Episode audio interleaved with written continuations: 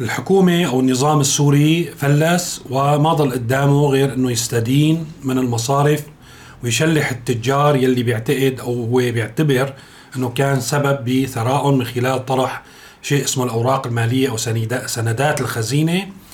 آه وراح نشوف شو يعني طرح سندات الخزينة أوراق مالية في المزاد يلي بده يصير نهاية هذا الشهر شو معناه بحالة مثل حالة سوريا. رح نحكي أيضا عن تعميم صادر عن وزارة العدل حول موضوع الجرائم الإلكترونية والمشروع الجديد يلي أثار الجدل ويناقش في مجلس الشعب تم قراءة التعميم على أنه توصية بعدم توقيف الملاحق بهذه الجرائم بينما الحقيقة التعميم يعني يحمل معاني خطيرة وتضيق على الحريات. كمان رح نحكي كان في اجتماع مقرر لإتمام عملية الوصل الكهربائي بين الأردن ولبنان عبر سوريا. كان الاجتماع مقرر يوم الأربعاء تأجل ليش تأجل؟ ما علاقة التأجيل بزيارة وزير الخارجية الكويتي إلى لبنان وطرحه لعدة بنود آه، لإعادة العلاقات الخليجية اللبنانية. وهل فعلا راح يصير في تقدم بهذا آه، المجال؟ وما علاقة ذلك بالتصعيد اللي عم نشهده في الجزيرة العربية آه، تحديدا في اليمن وهجوم الحوثيين على المستمر على الإمارات والسعودية، فإذا مرحبا وأهلا فيكم باستعراض أحداث اليوم تنين 24 كانون الثاني عام 2022. طرح أوراق مالية حكومية للاكتتاب أو سندات الخزينة العامة نفس المعنى للاكتتاب بأجل خمس سنوات وبقيمة إجمالية 200 مليار ليرة. شو يعني هذا الكلام؟ الحقيقة في الدول يمكن حكينا هذا الموضوع سابقا بنرجع بنعيد بسرعة خاصة للناس اللي ما عندهم اطلاع حول الموضوع. يعني الحكومة بيكون عندها في مجموعة من المشاريع يلي عادة ما بتكون مشاريع تحقق جدوى اقتصادية يعني أي آه، ربحية. بتكون هي عندها اقتصاد نامي تحقق نسب نمو عالية وضع مستقر. سياسي واقتصادي وضع نقدي مستقر فهي بدها تعجل بإنجاز هذه المشاريع اللي عادة تتعلق بالخدمات العامة والبنية التحتية يعني رابحة مثلا مثل مترو الأنفاق مثل وسائط نقل آه، عامة مثل جر كهرباء آه، جر مياه أو توليد كهرباء. وطبعا بده يكون آه، في شرط آخر إنه المستوى المعيشي أو مستوى الدخل في هذه الدول جيد بحيث إنه يستطيع المواطن أو الساكن دفع بدل هذه الخدمات بالأسعار الحرة. فحتى تختصر الزمن بيكون ما عندها سيولة كافية فهي بتستدين تطرح سندات للخزينة تطرح أوراق مالية إلى قيمة معينة مثلا بأجل خمس سنين. إنه يا جماعة دينونا يعني كانت جهات اعتبارية مثل المصارف والشركات أو أفراد دينونا هاتوا شو عندكم مصاري حطوها معنا خمس سنوات وبتحدد الفائدة بناء على مزاد يعني لإجراءات محددة. بصير يلي بيشتري هالسندات بيرجع بيسترد أمواله في نهاية الخمس سنوات وبيستفيد مثلا كل ثلاثة شهور أو ست شهور بيأخذ مبلغ معين على هذا المبلغ يلي أودعه مع الحكومة كدين. هذا اللي بيصير. هلأ في حالتنا السورية عم يعملوا اليوم نفس الشيء يمكن هذا الشيء صار قبل هالمرة بال 2010 إنه بده يطرحوا سندات الخزينة، المشكلة عندنا بسوريا إنه الحقيقة إذا بنراجع الموازنة أو نفقات الموازنة مثل ما هي تم إقرارها آه لهالعام بنشوف إنه هي تقريبا 13 ألف مليار ليرة سورية منها فقط 2000 مليار للنفقات الاستثمارية والباقي نفقات جارية. يعني النفقات هي لزوم تمشية الدوائر الحكومية والمؤسسات والنفقات الحكومية المعروفة.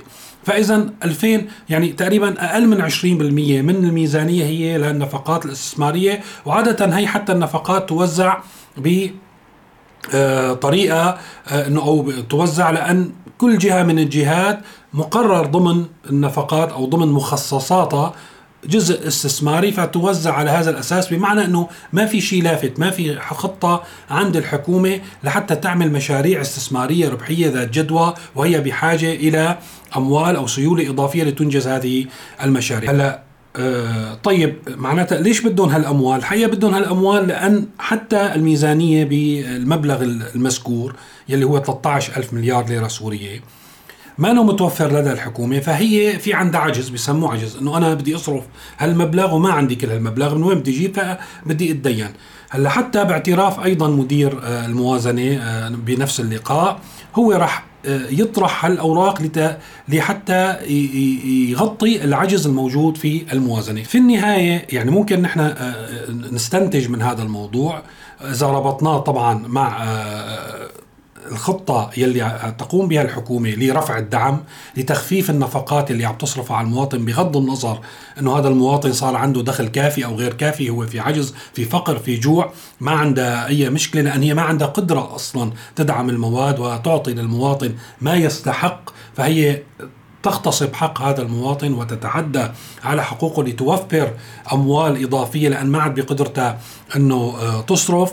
بنشوف أيضا العطلة اللي صارت كمان مرة ثانية 10 أيام آه، وقفت الحكومة لأن ما عاد عندها نفقات تحسن تغطي النفقات الحكومية ونفقات تشغيل دوائرها ومؤسساتها فعطلت الدولة لعشر أيام. بيجي هذا الإجراء آه، هو لحتى يبين إنه الحكومة بحاجة يعني هي مفلسة تماما فهي بحاجة إلى أموال لكي تستطيع أن تشغل آه، مؤسساتها ودوائرها إلى فترة إضافية ما طويلة على الأغلب. من وين بدها تجيب مصاري؟ فهي بتتدين. طبعا أنا لا أعتقد إنه في أي فرد عاقل إنه هو بكيفه راح يروح يستثمر بأموال خزينة. حتى طبعا عندنا نحن مشكلة سعر الصرف غير المستقرة. يعني وقت انطرحت هل آه، نفس العملية بال 2010 والناس اشترت سندات الخزينة بسعر كان الدولار 50 ليرة سورية واليوم مثلا لأجل 10 سنوات اليوم 3500 فما في أي ضمانة إنه اليوم الدولار 3500 ما يصير بعد سنة مو بعد خمس سنين 10000 مهما كانت الفائدة كبيرة راح يكون هذا الشخص اللي عم يستثمر خاسر. طب مين بده بده يستثمر؟ فالحكومة بتفرض باعتبارها يعني حكومة نوع حكومة مافياوية مسيطرة على الأعمال في سوريا. تفرض على المصارف إنه تشتري هن بدهم 200 مليار بأول آه، طرح من هالطروحات اني بتوقع مخططين لأربعة. تفرض على المصارف لحتى تضل تشتغل إنه يدفعوا لهم جزء من هال 200 مليار بالإضافة لرجال الأعمال يلي يعتبر النظام إنه ثراء والأموال اللي جمعوها خلال 50 سنة الماضية هن من يعني بفضل النظام وبفضل يعني غض النظر عنهم أو دعمهم أو إنه يتركهم يشتغلوا آه، خارج القانون أو ضمن القانون. فهو بيعتبر إنه مفضل عليهم إنه هلأ أو مدينهم هو أو هلا اجى وقت لحتى يردوا الدين. فاذا هذه العملية محصورة بها بهؤلاء ولكن في دلالاتها بتدل على عمق الأزمة المادية الذي أو التي يمر فيها النظام وأنه فعلا وصل إلى حافة الإفلاس. طبعا الجدل حول قانون الجريمة الإلكترونية يلي عم يدرسه مجلس الشعب أو هو مشروع قانون بالأحرى ما زال قائم حتى شفت أكثر من برنامج وما حكيت بتفاصيلهم حول الموضوع حول تقييد حرية التعبير المقيدة أصلا يعني في سوريا في تعميم طلع من وزارة آه، العدل آه، تم قراءته أو التسويق له أنه هو تعميم إيجابي بمعنى أنه هيك يعني تم قراءته أنه لا يجوز آه، توقيف الشخص على ذمة التحقيق في أحد جرائم الإلكترونية خاصة إذا كانت تتعلق بحرية التعبير. ولكن الحقيقة تفاصيل القرار خطيرة وهي يعني تعزز الاتجاه بقمع الحريات وبملاحقة السكان أو المواطنين السوريين في حال وجهوا انتقاد للحكومة أو أحد الموظفين أو المسؤولين فيها. لأن بدنا ننتبه قبل الفقرة الأخيرة يلي هي وحتى الفقرة الأخيرة بده الواحد يحكي فيها كثير مثلا ننتبه في يعني محاولة تبرير القرار أو شرح موجبات القرار بيقول لك هون وبما أن حق التعبير قد سمح بالانتقاد والإشارة إلى أماكن الخلل في حال وجودها دون أن يتعدى هون المهم. يعني دائما اللي عم يقرأ القرار عم ينسى هي الدون ولكن إلى آخره. دون أن يتعدى ذلك إلى الإساءة إلى الإدارة العامة أو القائمين عليها في أشخاصهم وشرفهم وحياتهم الخاصة. لذلك يتوجب على القاضي التمييز بين حرية التعبير وهذه الجرائم. إذا أعتبر إنه آه، لأن موضوع التعدي على كرامة موظف عام والتعدي على كرامة مسؤول هذا موضوع يعني فضفاض هذا يعود لتقدير القاضي. يعني لا يمكن أن يكون هو فعلا محدد بأنه والله أنت اذا قلت هالعبارة أو العبارة أو إذا انتقدت أو يعني كيف بدنا نحدد أنه هذا ينتقص من كرامة؟ يعني إذا واحد مثلا قال لمسؤول أخي أنت غير كفؤ على ما يبدو بعد ست سبع شهور يكذب على هالعالم ويطالع قرارات ويزيد الوضع سوء فوق ما هو سيء. بيجي واحد بيكتب له أخي أنت يبدو مانك كفؤ لهذا المنصب روح اقعد ببيتك الله يرضى عليك خلي يجي مسؤول غيرك بيعرف يتصرف. كيف بدنا نحدد أنه هالعبارة يعني تطال من كرامة هذا المسؤول أو لا تطال من كرامة هذا المسؤول؟ يعني هي هي المصيبة. فإذا الأهم من هيك أنه هل تعميم يؤكد أنه مشروع قانون الجريمة الإلكترونية ماضي في البنود يلي تم الإشارة عليها وأهم ما راح أذكركم آه، طبعا بالإضافة للنيل من هيبة الدولة هذا البند أيضا الفضفاض بيقول لك يعاقب بالحبس من سنة إلى ثلاث سنوات وغرامة من 500 ألف ليرة إلى مليون ليرة كل من قام بأحد وسائل تقانة المعلومات بنشر أمر على شبكات ينال من شرف موظف عام أو كرامته في معرض ممارسته لوظيفته. وكان الاعتراض بالإضافة إلى موضوع النيل من آه، هيبة الدولة لأن كمان هذا فضفاض يعني أي شيء ممكن أنت بالنهاية يعني تقوله أو تقول إنه هذا نيل من هيبه الدولة، إذا قلت إنه اليوم الدولة عاجزة عن تأمين المشتقات النفطية للسوريين هذا ما بيصير، ممكن قاضي يقول لك هذا النيل شلون يعني دولة عاجزة؟ ما بيصير تقول الدولة عاجزة، كيف بدنا نحدد إنه هذا نيل ولا ما نيل من هيبه الدولة؟ كيف بدنا نحدد إنه انتقادنا لمسؤول آه، بهالمعاناة الكبيرة يلي عم نعيشها اليوم؟ كهرباء رئيس مجلس وزراء وزير وزير التجارة الداخلية الناس ما ملاقية أي شيء نقص في كل شيء. إذا واحد وجه عبر هن مسمينها وسائل التقاني الفيسبوك أو شبكات التواصل الاجتماعي نقد لو كان حاد مين اللي بيضمن إنه ما يتم اعتبار هذا النقد هو نيل من كرامة هذا الموظف، فاذا هذا القرار يعزز المشروع اللي مدروس وبيعطينا إشارة إنه راح يتم إقرار آه هذا المشروع حتى في موضوع التوقيف. يعني راح أقرأ لكم شو عم بيقول. إنه هو بما معناه عم بيقول إنه موضوع التوقيف مانو إلزامي وتعتمد خطور يعتمد على خطورة الجريمة وآثارها السلبية على المجتمع مع الإشارة إلى أن بقاء الفاعل طليقا في بعض الحالات يزيد من جسامة الأضرار ويؤدي إلى تكرار الأفعال، لاحظوا على هالجملة ما هو الانتقاد على وسائل التواصل الاجتماعي ويبقى الفاعل اللي هو وجه على سبيل المثال انتقاد اعتبره القاضي هو عبارة عن مس بكرامه الموظف، إذا أبقى هذا الشخص طليق ممكن يستمر في هالجرم بين قوسين. يلي يعتبره جرم ويمارس الانتقاد أكثر وأكثر وبالتالي يصبح أمام القاضي أو آه الذي ينظر في هذا الإجراءات التقاضي هذه أن يوقف المتهم على ذمة التحقيق حتى في النهاية لاحظوا العبارة هي عبارة نوع من من من الرجاء، لذلك نطلب من السادة المحامين العامين وإدارة التفتيش مراعاة هذه الضوابط. لم ينهي عن توقيف الملاحقين بجرائم حرية الرأي والتعبير ولكن مراعاة ويعود التقدير إلى القاضي وهون المصيبة. ما هن من الأساس مترك لهم يعني هذا الموضوع ما كان في إلزام لتوقيف هذا الشخص. ولكن كان يتم توقيفه لأن ببساطة نحن قدام طرفين مواطن مسكين ما عنده غير فيسبوك يكتب عليه كم كلمة ومسؤول من رتبة وزير أو ضابط أو آه، مسؤول مسنود من مسؤول أمني. القاضي ما بتوقع رح ينحاز للمواطن المسكين ويعرض حاله لانتقاد المسؤول الكبير من مرتبة وزير أو أعلى أو أقل. لساتنا عم نحكي بالربط الكهربائي طبعا آه، يعني إمدادنا بالغاز المصري. بتوقع شوي مأجل هلا تم التريث فيه. ولكن هلا المطروح على الطاولة مبدئيا هو الربط الكهربائي من الأردن إلى لبنان عبر سوريا وهذا ممكن يأثر على الشبكة السورية بحسب تصريحات المسؤولين. شوي يحسن من موضوع هي الفصل والقطع القطع والوصل لأن الشبكة بتصير مربوطة بشبكه أكبر وبصير هذا الموضوع الترددي اللي حكينا عليه من كام يوم أفضل. بالساعة اللي بتيجي فيها ممكن ما تصير ممكن يعني ها ما تقطع كل خمس دقائق ممكن هاي الميزة الوحيدة يلي ناخذها من آه، خلال هذا الربط بالنسبة للمواطن العادي. ولكن آه، كان في اجتماع لحتى يتمموا إجراءات الربط يوم الأربعاء تأجل الاجتماع. آه، على ما يبدو إنه هذا موضوع الربط مو بس يتعلق بمصالح إسرائيل لأن إسرائيل هي تمد آه، محطة توريد الأردن بالغاز وبالتالي في مصلحة لأمريكا ولإسرائيل في الموضوع. فالأمور بتمشي. الموضوع أعقد من هيك ويتعلق بأمور سياسية واستراتيجية. تزامن مع هذا الموضوع زيارة لوزير الخارجية الكويتي إلى لبنان. سمعنا فيها كلنا وطرح بنود عدة بنود عشرة في ناس بيقولوا 12 آه ليوافق عليها لبنان آه من أجل آه أن تعود العلاقات الخليجية اللبنانية إلى مجراها. هذه البنود يعني إذا بدنا نقراها خلينا نقراها مع بعض.